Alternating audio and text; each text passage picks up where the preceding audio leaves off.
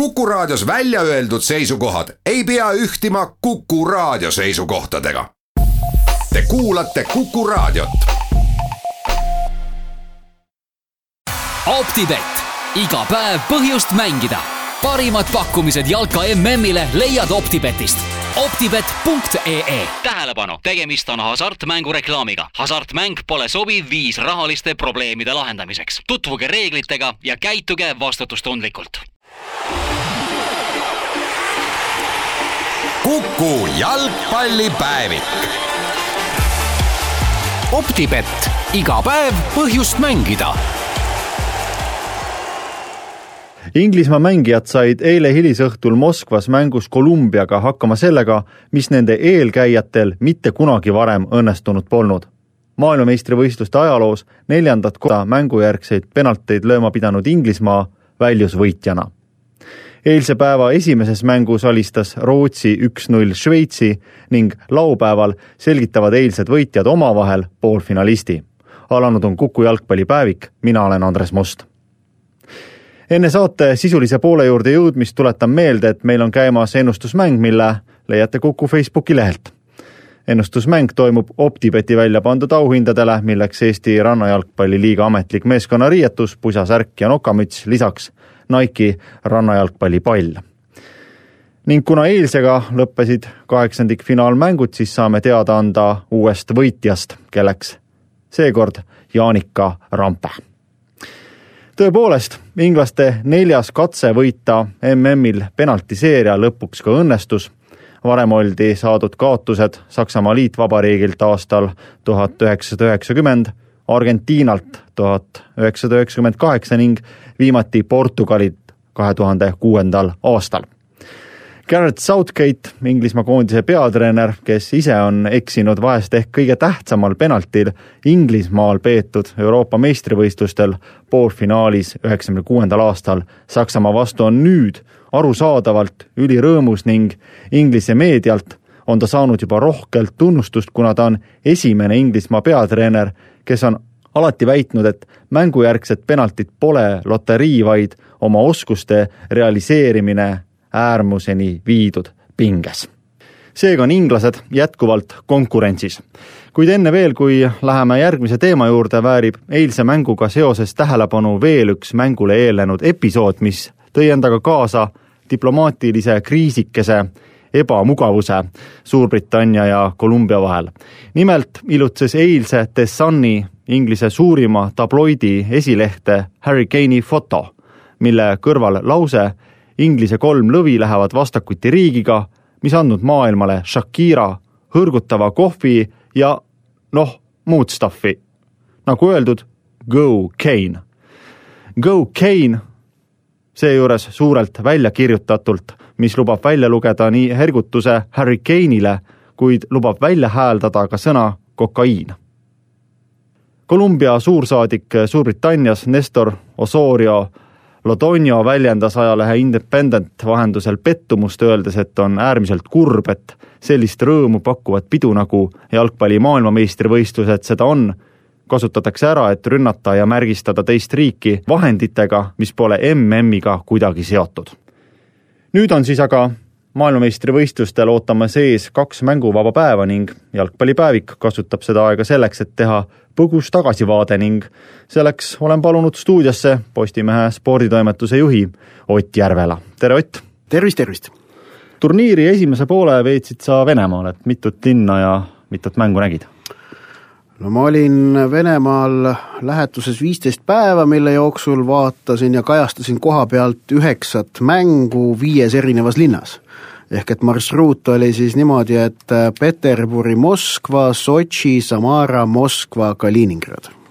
julgen öelda, et täiesti jah, ootuspäraselt Venemaa korraldus on minu kogetu põhjal oli igati tasemel, ehk et äh, kuna ma töötasin ka Sotši olümpiamängudel neli aastat tagasi, siis see paralleel on üpriski äh, Äh, selge, ehk et äh, kui Venemaa-suguses riigis on vaja midagi korraldada heal tasemel ja jätta endast hea mulje, siis see asi lihtsalt tehakse ära.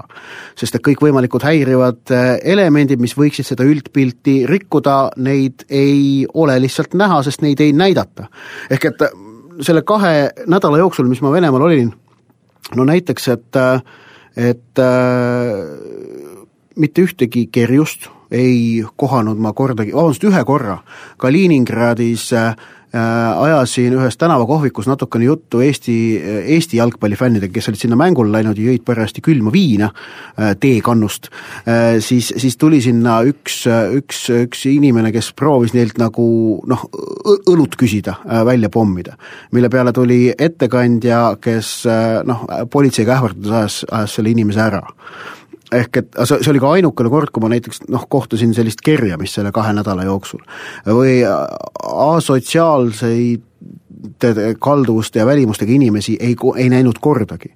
ja, ja see on nagu selles mõttes, oleme ausad, imelik, arvestades, et ma olin noh, suurlinnades nagu Peterburi ja Moskva enamiku ajast, sest et noh, suurlinnades äh, paraku ükskõik, kus maailmas oled, on need inimesed ka tänavapildis, sellepärast et noh, elu, elu ongi selline kahjuks aga, aga praegu Moskvas ei olnud neid absoluutselt näha, mis äh, mis äh, noh, samas ma ei usu, et neid inimesi Venemaal ei ole, et, et kindlasti kahjuks nad on. aga on tehtud sammud, et mitte mingit säärast säärast ilmingut ei jääks ning ka kõik erinevad fännid erinevatest riikidest, kellega ma rääkisin, kes olid Venemaale külla tulnud, siis rõhutasid jah, et väga turvaline tunne on, mis oli ka täiesti arusaadav, sellepärast et korrakaitsjate jõud olid väga suured, igal pool, äh, nähtavad ning äh, noh, ütleme nii, et see peaks olema ikka peast täiesti nikastanud või, või, või, või totakas, kes prooviks seal midagi korraldama hakata, et sellel, see oli, see oli ilmselgelt, et Venemaa ei luba sellel lihtsalt juhtuda. on võetud vastu kõige kõrgemal tasemel vastav otsus, et see mm korraldatakse perfektselt või noh, võimalikult perfektselt ning selle nimel ei ole ressursse kokku hoitud ja, ja sellega ka tegeletakse ja ma arvan, et see läheb lõpuni samamoodi välja suurvõistlused, kus ma veel olen töötanud, näiteks Londoni olümpiamängud kaks tuhat kaksteist või siis Euroopa meistrivõistlused jalgpallis kaks tuhat kuusteist. et Suurbritannias ja Prantsusmaal midagi sarnast ei oleks mõeldav. See, nende riikide õigusruum lihtsalt ei võimaldaks säärast tsentraliseeritud käsumajandust, on ju. et, et ütleme, kui nüüd siin resümeerida, et autokraatlikes, et mitte öelda diktaatorlikes riikides on spordivõistluste äh, korraldamine hõlpsam, siis äh, kahtlemata see vastab tõele, äh, kui vaadata nüüd seda korralduslikust aspektist, kas iseasi on see, millised eetilised signaalid saadavad, saadavad säärased otsused väljapoole ja räägivad nende spordiorganisatsioonide, kes sääraseid otsuseid, need võistlused nendesse riikidesse teha, teha langetavad nende äh, tõekspidamistest ja väärtustest mm. -hmm. ma küsiks nüüd äh, mõned sellised jah-ei küsimused. kas sa Venemaal Coca-Colat jõid? jaa. kas sa seal McDonaldsit külastasid? Jaa. kas sa puudõlut jõid? jaa. kas sul on viisakaart? On, aga ei kasutanud. nüüd ma loen siis ühe teksti ette, see on ilmunud täpselt neli aastat tagasi juulikuus. rahvusvaheline Jalgpalliliit lihtsalt ei tee julgeid otsuseid.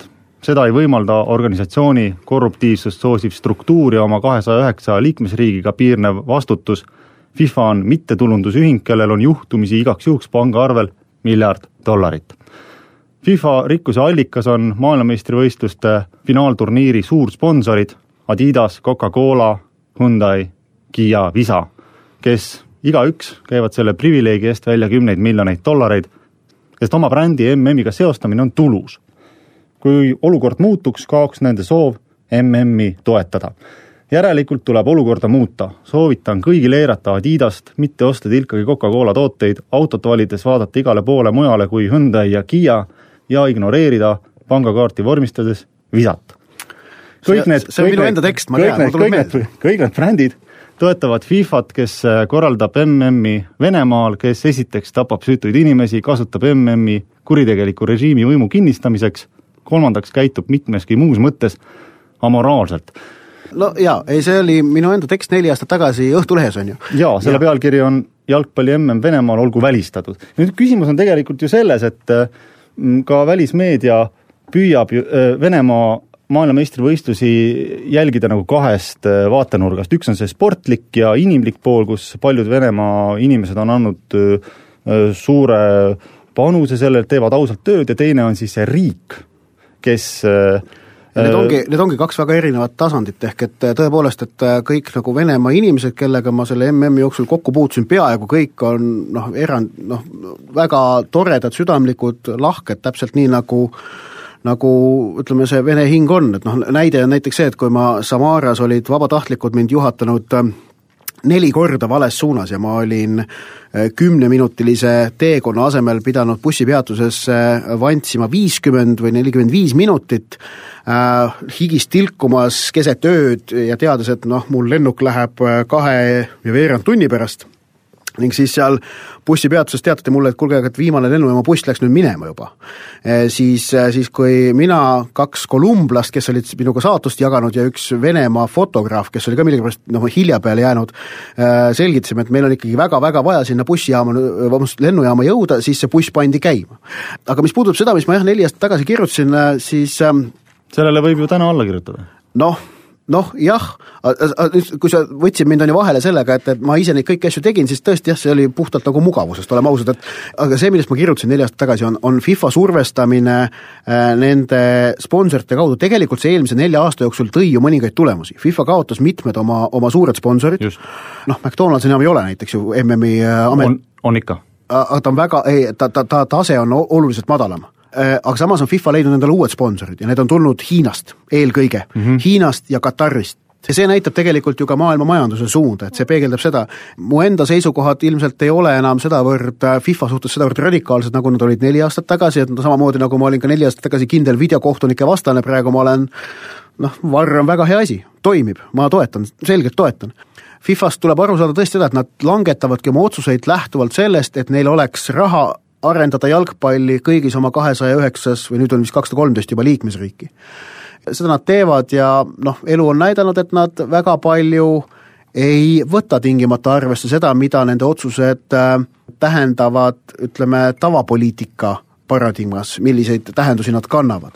seda näitavad nii Venemaale antud jalgpalli MM kui ka, kui ka Katarile antud jalgpalli MM. samas kahe tuhande kahekümne kuu, äh, kahe tuhande kahekümne kuuenda aasta MM-i osas tehti nüüd, on ju selgelt ähm, noh, ka eetiliselt on ju teistpidine otsus, ehk et eelistati Põhja-Ameerikat Marokole, aga samas oli see siiski tegelikult oli see eelkõige kantud finantsilistest argumentidest, sest et äh, see Põhja-Ameerika pakkumine lubas Fifale kaks ja pool korda suuremat tulu, kui lubas Maroko.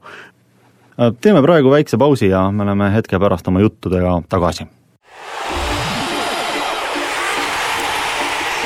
Kuku jalgpallipäevik. optibett, iga päev põhjust mängida. jätkumas Kuku jalgpallipäevik stuudios saatejuht Andres Must ja Ott Järvela. saate teises pooles võiksime keskenduda siis mõningatele märksõnadele ja ka sportlikule poolele, aga enne veel tahaksin ma rääkida ühest teemast, mis ka sellel turniiril esile on äh, kerkinud ja teema, millele sa ise oled äh, Postimehes ühe artikliga tähelepanu juhtinud ja see küsimus võiks siis kõlada umbes nii, et äh, kui näiteks maailmameistritiitlit ründab Inglismaa, siis kes õigupoolest selle Inglismaa sisu moodustab? et kas selleks on siis vaid sportlased või on selleks kogu natsioon ja teema põrkub siis juhtumist, kus Inglismaa ja Panama mängu eel Briti ajakirjanduse vahendusel jõudis avalikkuseni Inglismaa algkoosseis ning äh, tekkis siis kaks leeri, kellest üks siis toetas seda äh, ideed, et äh, ajakirjandus peabki infot välja andma, teine aga leidis, et kodune meedia ei tohiks nagu meeskonda reeta, kuna peaks ka justkui võitlema tiitli eest, et millises leeris sina ennast näeksid? kindlasti selles, mis seisab ajakirjanduse äh, vabaduse eest, ajakirjandusel on kohustus raporteerida. Äh, see, see on ka väga selge, nagu ma tolles artiklis kirjutasin, see, seda, seda lähenemist kohtab väga palju ka Eesti äh, spordis. ehk et arvatakse, et Eesti spordiajakirjanduse roll on aidata kaasa Eesti spordi edendamisele läbi soosiva kajastuse. see ei ole kindlasti mitte õige ega ka tark lähenemine. spordiajakirjanduse roll on aidata kaasa spordielu arendamisele läbi objektiivse kajastuse ja läbi sõltumatu, mis tähendab äh, ka kritiseerimist ja kitsaskohtadele osutamist, samuti nagu ka kiitmist, otse loomulikult, tuleb ka kiita ja seda tehakse no vahest tehakse liiga vähe, oleme ausad. Aga, aga kindlasti mitte ei ole spordiajakirjanikud väljas selle nimel, et nende nende riik võidaks, nemad, see ei ole nende ülesanne, nende ülesanne on kajastada seda, kuidas nende äh, kajastatav võistkond äh, püüab soovitud tulemust, mida nad teevad õigesti, mida nad teevad valesti, milliseid tundeid see kõik tekitab. aga mitte seda, et, et noh, ise kaasa aidata, no ma näiteks minu alluvatel on keelatud äh, külastada Eesti jalgpallikoondise mängu Eesti jalgpallikoondise särgiga. see ajakirjanik ei tohi seda endale lubada. see ei tähenda, et, et me, et, et, et ka mina ei oleks Eesti poolt, ma muidugi ma tahan, et Eesti meeskond võidaks mm, -hmm. aga äh, ajakirjanik ei saa endale lubada äh, fänni äh,, fänni positsioonilt selle mängu jälgimist, et tuleb, tuleb jälgida siiski äh, vaatleja positsioonilt, see on noh, elementaarne mm. -hmm nii palju veel märkusena ütleks, et äh, ma isegi ei leia nagu seda, et äh, spordiajakirjandus peaks äh, sporti edendama läbi objektiivse kajastuse, kuivõrd spordiajakirjandus peab tegelikult ju edendama ainult ajakirjandust. Ka see jah, noh aga läbi objektiivse kajastuse tegelikult edendatakse ka ajakirjandust, sellepärast et see on ju noh, see on see, mis eristabki ajakirjandust äh, muust äh, hägust, mida meil inforuumis aetakse, ehk et ajakirjandus ongi sõltumatu ja objektiivne. ja sellega hoiab ajakirjandus elus nii ise, iseennast kui ka seeläbi toetab seda kajastatavat valdkonda sellest ei taha paljud aru saada, paljud arvavad, et see on nagu tüütu ja, ja ebatarvilik, aga noh, et äh, ütleme, minu hinges see leek põleb mm,. ma näen jah, sa tõesti põled, värised. Aga hüppame nüüd kohe turniiri juurde ikkagi tagasi. Äh, mõned märksõnad, mis kindlasti selle turniiriga meelde jäävad ja, ja sa oled selle tähekombinatsiooni siin ka juba välja öelnud, see on siis varr, me ei pea kirjeldama ja selgitama, millega tegemist on, ütle seda, et Varri puhul äh, välismeedia tihtipeale kartis nagu seda, et äh, Varri kasutamine võtab ära emotsiooni staadionilt ja äh, staadionilt saadud emotsioon tegelikult jõuab läbi telepildi ka kõikide televaateni, ehk siis antud juhul sadade miljonite inimesteni. sina, mitu juhtumit sul oli staadionil Varri kasutamisega? ilmselt vist oli paar tükki. aga need ei jäänud sulle siis nagu meelde kuidagi nagu erilised? ei ole jäänud küll, jah ja. ja.. mul praegu ei tulegi meelde, äkki mul ei olnudki. aga äkki oli, mul ei tule praegu meelde jah, ausalt tähendab, Varr on minu meelest saanud selle MM-iga niivõrd nagu loomulikuks mängu osaks ja mis puudutab emotsioone, siis ta okei okay,, ta võimalik, et võtab mingid emotsioonid ära, aga ta annab kindlasti vähemalt sama palju asemele. ehk et ta on tekitanud täiesti uue nagu uut laadi emotsiooni ning äh, noh, oleme ausad, see, see emotsioon, mille ta on tekitanud, see on selline tänapäevane me, me elame kahekümne esimesel tehnoloogiasajandil ja, ja Varr on toonud seda aspekti nüüd jalgpallimängu sisse. minu peamine kartus alati Varri suhtes oli see, et ta hakkab soosima füüsiliselt nõrgemaid meeskondi, tekitades põhjendamatuid mängukatkestusi, mis annavad siis füüsiliselt nõrgematele võimaluse ennast äh, koguda. Äh, ja, ja seeläbi noh, osutuda paremat vastupanu kui tegelikult reeglid võiksid neile selle võimaluse anda. see ei ole, see kartus ei ole tõestunud, äh, tõeks saanud, sellepärast et Varr on siiski, ütleme, ta toimib kiiresti, äh, laias laastus, ei ole Varri katkestuse keskmine äh, kestus, mis pärast alagrupi turniiri öeldi, on kaheksakümmend sekundit olnud, kui, kui kohtunik läheb vaatama. ja noh, ütleme ausalt, see on täiesti võrreldav sellise natukene tõsisema vigastuspausiga. ei ole olulist vahet. ning äh, kindlasti on olnud Varril mõned eksimused, noh näiteks see Harry Kane'i vastu tehtud viga ja samuti Serbia-Šveitsi mängus Mitrovitšiga ko-, korda saadetud maadlemine, aga noh, eksimused on paratamatud ka, ka Varri puhul, aga ta on väga-väga palju asju ära parandanud ja, ja teinud õigeks. ütleme, on mingid väiksed kitsaskohad, aga on väga palju rohkem plusskohti. Ning põhiline kriitika, mida Varri suhtes ju enne turniiri tehti, tuli Inglismaa meediast oleme ausad, ja inglisekeelsest meediast. ja, ja tõukus see väga palju sellest, mis, mis juhtus Varriga Inglismaal peetud klubimängudes, kus äh, kohtunikud ei saanud selle Varriga lihtsalt hakkama, inglased olid käpardid Varri kasutamisel, täielikud käpardid. ja, ja kartsid, et teised on sama käpardid, aga tuleb välja, et sakslased, itaallased, kes on eelkõige põhilised videokohtunikud ja hollandlased, kes on seda tegelikult juba aasta aega enda kodumaa liigades kasutanud, on selles oluliselt paremad. jah, ka Saksamaal, Itaalias, Hollandis on neid vigu olnud koduliigades, aga noh, sellest räägitakse palju, aga kõigist neist kordadest, kui Varr on teinud asju õigesti, ei ju ei räägita tegelikult. võib-olla ütleks nii palju, et nad ei ole nagu vead, et Varr ei korista ära Var-, Varr koristab ära vead, see on tõsi, aga Varr ei, ei saagi ära koristada kaheti, ja hinnanguid, kahetisi arvamusi, et Varr ei eksi kunagi, eksivad alati inimesed. just, just, just, just, nõus. E, jah, ja teine muidugi selline huvitav äh, asjaolu selle turniiri jooksul, mis äh, tegelikult juba algas suure hurraaga, kui mõelda selle peale, et kohale ei jõudnud äh, Itaalia, Holland, Lõuna-Ameerika meister, Põhja-Ameerika meister, Aafrika meister. et nüüd me oleme jõudnud siis äh, kaheksa parema hulka ja ammu on turniirilt kadunud eh, eelmised eh, finalistid, kadunud on Euroopa meister. et ühtegi valitsevat meistrit hetkel konkurentsis ei ole? ei ole jah, Austraalia oli siis Aasia meister, kes kadus ja Okeaania meister ei jõudnudki Uus-Meremaa näol siis finaalturniirile. Portugal lendas, Saksamaa lendas, Kamerun ei jõudnud, Tšiili ei jõudnud, USA ei jõudnud. jah, just kas kukkusid siis välja favoriidid või kukkusid välja selline mingi ettekujutus favoriitidest? kui võtta sellised traditsioonilised tiitlinõudlejad, siis nendeks on ainult tabeli teiselt poolelt tulevad Brasiilia ja Prantsusmaa, kelle puhul me võime tõsiselt rääkida, et nad võivad tiitlit võtta mm. -hmm. Aga kui me räägime nüüd Saksamaa ja Portugali väljakukkumisest, on ju, valitsev maailma ja valitsev Euroopa meister no., siis äh, minu meelest oli mõlema puhul Saksamaa puhul oli näha, et, et ikkagi jood-, joosti nagu ideeliselt tupikusse. Postimehes kirjutasin ka, et, et lööv, lööv, filosoof Lööv ei suutnud enam asju lahti seletada ja sellest tekkis, tekkis nagu, tekkis nagu probleem. Portugali puhul oli minu arust selgelt näha, et see nälg ei olnud enam nii suur kui kaks aastat tagasi. ja, ja seda näitas ka see Uruguay mäng, kui nad kaheksandikfinaalis välja kukkusid. et, et kaks aastat tagasi Euroopa meistrivõistlustel Portugal sarnase iseloomuga mängud võitis nii Poola vastu kui penaltiseerias, Horvaatia vastu kaheksandikfinaalis lisaajal. Neil oli nälg, oli lihtsalt niivõrd palju suurem, kuigi Portugali meeskond kaks aastat tagasi minu arust sportlikult ei olnud nii hea, kui ta praegu on. aga nälg oli suurem. see, see on see paratamatu tõik, et, äh, et mingi suur võit tekitab rahulolutunde ja sellest üleolek on ülimalt keeruline. mida näitab meile puhtalt ka jalgpalli ajalugu, kui meil on läbi aega on suutnud kaks võistkonda MM-tiitlit kaitsta, Itaalia kolmkümmend kaheksa, Brasiilia kuuskümmend kaks. Euroopa meistritiitlit pole vist suutnud kaitsta mitte ükski meeskond.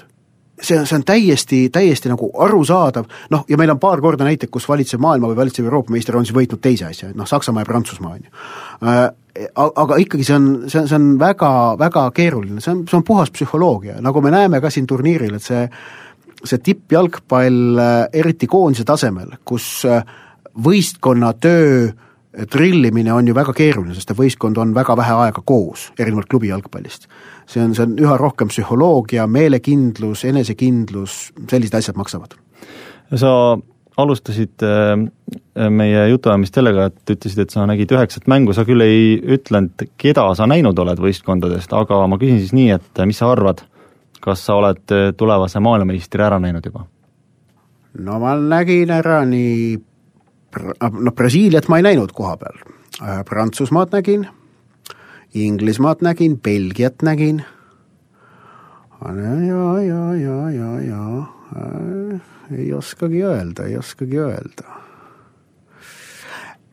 ma tahaksin öelda, et ma nägin ära.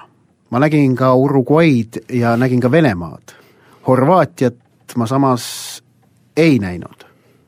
minu jaoks oleks kõige ägedam oleks Uruguay maailmameistritiitel, ütlen ausalt välja, mulle, see oleks selline retropunk, kui Uruguay võidaks kuuekümne kaheksa aastase pausi järel MM-tiitli. no noh, ja see ei ole võimatu, on ju, sellel on täiesti nagu noh, reaalne stsenaarium näha sellele. aga see on muidugi ebatõenäoline. nojah, praegune tabeliseis on ka ju selline, kus ühelt poolt on siis tulemas kolm suurt Prantsusmaa, Brasiilia ja Belgia, teiselt poolt on siis tulemas selline äh, vahva riik, kes tõepoolest võib jõuda äh, MM-finaalile esimest korda. aga aitäh sulle, Ott! jah, palun! sellised olid siis tänase jalgpallipäeviku teemad ja jutud, nüüd maailmameistrivõistlustel kaks puhkepäeva ning mängudega jätkatakse laupäeval. ilusat õhtut! Kuku jalgpallipäevik. optibett, iga päev põhjust mängida